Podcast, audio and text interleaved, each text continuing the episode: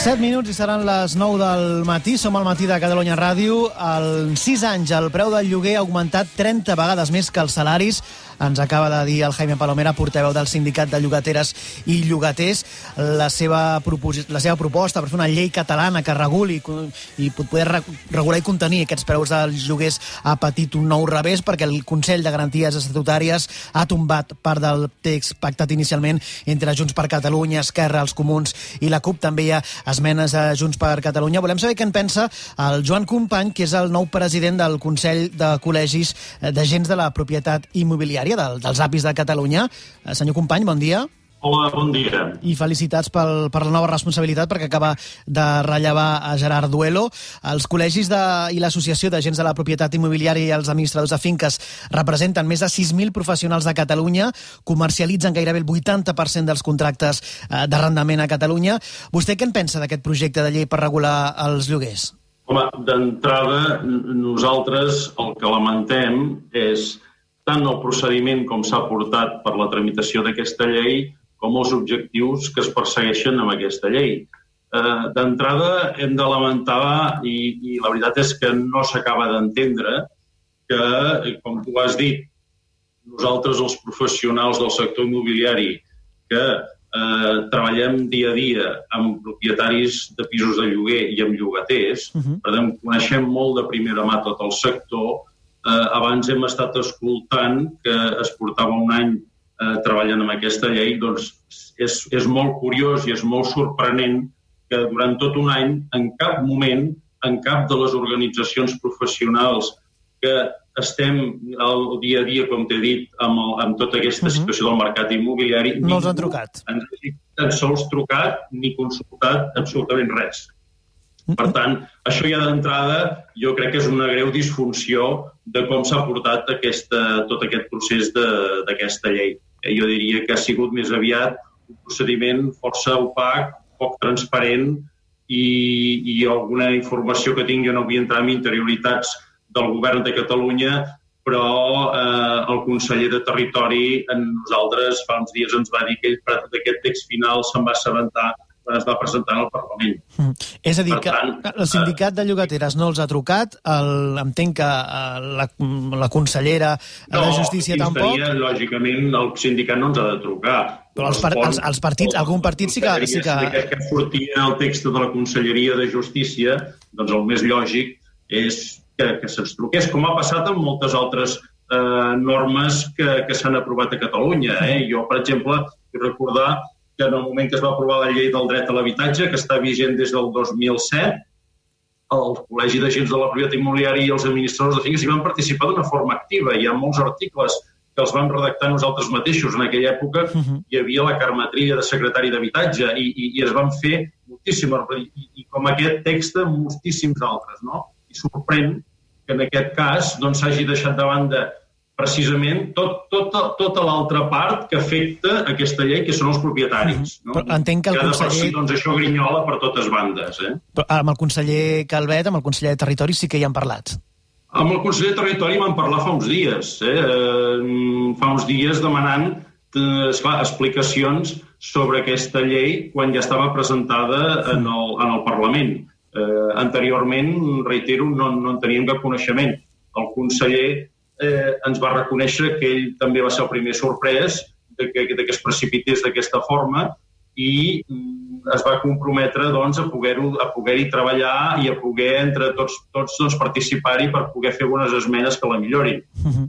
Però nosaltres, eh, a part del procediment, que, que, que fi, tampoc hi vull entrar massa, el que, el que és més preocupant és que eh, s'està distorsionant l'objectiu, o sigui, eh, s'està confonent eh, amb, amb aquesta llei el que ens està, ens està presentant és com si a tots els municipis de Catalunya de, de més de 20.000 20 habitants, que són més de són 60, hi hagués un problema amb el lloguer. I això no és cert. El mercat del lloguer, en general, està equilibrat. Eh? I la prova és que aquests darrers mesos els preus en molts municipis i en molts barris estan baixant. El lloguer, el lloguer no existeix la bombolla immobiliària com passa amb la compraventa. La compraventa mentre els bancs vagin finançant, els preus es poden apujar de forma indefinida. Això no pot passar mai amb el lloguer.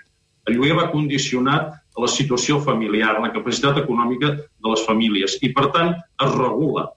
Això, ara, això no vol dir que, òbviament, hi ha moltes famílies eh, vulnerables, amb, amb capacitat econòmica més limitada que tenen dificultat per accedir a aquest mercat del lloguer. I, I que cada cop seran sense. més. Si, no sé si em pot confirmar si efectivament en 6 anys el preu del lloguer ha augmentat 30 vegades més que els salaris, com diu Jaime Palomera, aquestes famílies que no poden pagar el lloguer seran moltes més.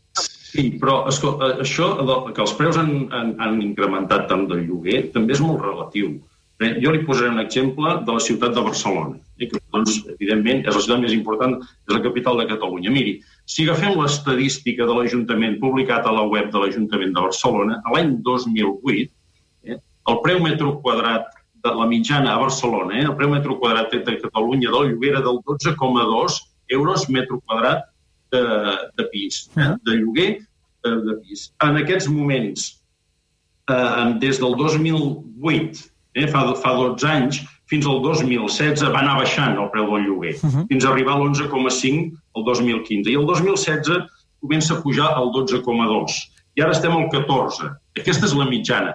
Entre el 2008, que estava al 12,2, i ara que està al 14, això és un diferencial d'un 14,75%. Què li vull dir amb això? Que el mercat es va equilibrant.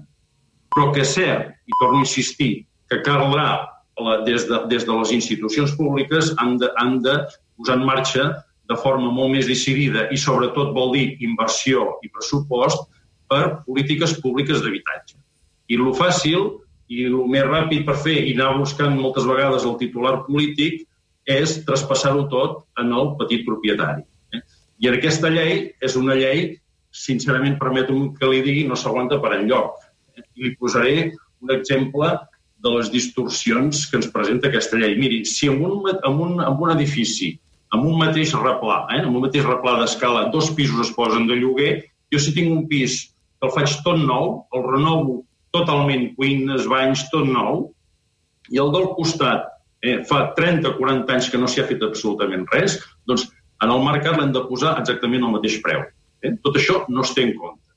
Per tant, és una llei, és una proposta de llei feta de forma absolutament precipitada i que no solventarà absolutament res. Això només provocarà que els propietaris doncs, es, des, es, es desentenguin del lloguer, agafin cada vegada més, més, més por a llogar pisos, perquè això hi ha molts propietaris que eh, eh, la primera preocupació és si cobrarem i què passarà si, no, si, si se'ns imposen ocupes i totes aquestes problemàtiques que tenim darrerament i cada vegada hi haurà menys pisos de lloguer. Per qual el problema en absolut el solventarem. Clar, senyor company, vostè diu que no hi ha un problema amb el lloguer um, i, i el poc problema que vostè veu ho vol, pretén resoldre-ho només amb habitatge públic. És, és aquesta la recepta? No, en absolut, en absolut. Nosaltres el que proposem, hem proposat moltes vegades en l'administració és fer un pla integral de polítiques d'habitatge. I estem convençuts que els propietaris també estarien disposats a jugar-hi. Li posaré exemples eh, perquè, perquè s'entengui. O sigui, és obvi que, per una banda, falta molt més habitatge públic. Això tothom ho té molt clar. Però el petit propietari, en aquest cas, també i podria, eh, per exemple, si eh, hi ha unes ajudes públiques per fer reformes en l'habitatge, uh -huh. doncs aquell propietari segurament estaria disposat a limitar el preu del lloguer durant un temps. Si eh, es bonifica eh, fiscalment eh, aquell lloguer d'habitatge, doncs el propietari segur que també estaria disposat a limitar el preu del lloguer. Per tant, en lloc d'aquest tipus de llei que són limitacions i prohibicions, anem a fer un paquet, eh, eh, consensuem tots plegats un paquet de mesures en la qual també impliquem i busquem la complicitat dels propietaris, que són tot el 50% també de part afectada, i segur, segur que amb una mica d'imaginació i capacitat de negociació es trobarien solucions. Ah. I la prova, per altra part, permeten que et digui, l'hem vist amb aquesta situació de pandèmia. Uh, jo et puc dir, des del, i ara et parlo des del meu despatx particular, jo he signat més de 200 documents d'acord entre propietaris i llogaters, uh -huh. eh, en qual hem rebaixat la renda durant aquests mesos, o que hem, o l'hem eh, posposat eh, per, per més endavant. Vull dir que predisposició per part dels propietaris n'hi ha. Eh?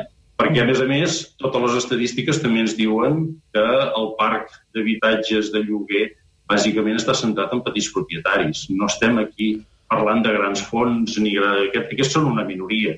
Se'ls hauria d'haver tingut molt més en compte en tot aquest procés. Vostè alerta amb aquest espantall que limitar els preus del lloguer de forma generalitzada eh, pot provocar precisament l'efecte contrari, no? que els propietaris ens ha dit que no vulguin eh, llogar i que el mercat, diu, s'autoregula. Quina és la tendència després de, de la pandèmia? Mira, jo tinc davant meu eh, l'estadística, per exemple, del portal immobiliari de, de Idealista, uh -huh i ens està dient a nivell que la mitjana de Catalunya és que el darrer mes ha baixat el lloguer 1,5 i eh, des, de, des del juliol del 2019 ha baixat un 3,4. Per tant, en aquests moments, que lògicament el mercat mm, hi ha una situació econòmica doncs, complicada amb motiu de tota la pandèmia, doncs els preus s'estan ajustant. Eh? I, i, però depèn molt és el que, és el que nosaltres lamentem d'aquesta llei que hagi generalitzat. O sigui, el, el passeig de Gràcia mhm. -huh. no té cap problema amb el lloguer, òbviament. Però llavors hi ha altres zones i altres barris que els preus doncs, s'estan ajustant.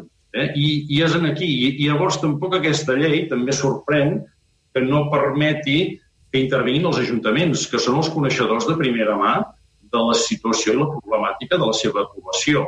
Eh, no entenc que de, de cop a partir d'aquesta llei s'hagi d'aplicar de forma generalitzada en els 60 mm. municipis aquests de Catalunya. Però els preus Lògic, han de caure més o no? O s'han d'ajustar més? Està, mira, està molt en funció de l'evolució de la... De l'economia, clar. D'aquesta pandèmia, de la crisi econòmica. Eh, el, que és, el que és veritat és que els lloguers no tenen mai les oscil·lacions amb els preus com passem la compra-venda. Per què? Perquè hi ha molta més demanda que no oferta de, de lloguer. Per tant, els lloguers s'ajustaran, ara, ara s'estan ajustant a la baixa, però amb uns percentatges no molt importants, uh -huh. i en el seu moment també es poden, en determinades zones poden anar a l'alça, però mai, mai, mai amb xifres de dos dígits o situacions que podem veure amb les, amb les. Uh -huh. Joan Companya, el nou president del Consell de Col·legis d'Agents de la Propietat Immobiliària de Catalunya, dels APIs, gràcies per aquesta reacció al matí de Catalunya Ràdio. Estarem molt pendents eh, de com acaba aquesta llei catalana eh, que pretén regular i contenir els preus del lloguer a Catalunya. Gràcies, bon dia. Gràcies a vosaltres. És mig quart de 10 del matí, fem una pausa i obrim tertúlia. El matí de Catalunya Ràdio, amb Albert Segura.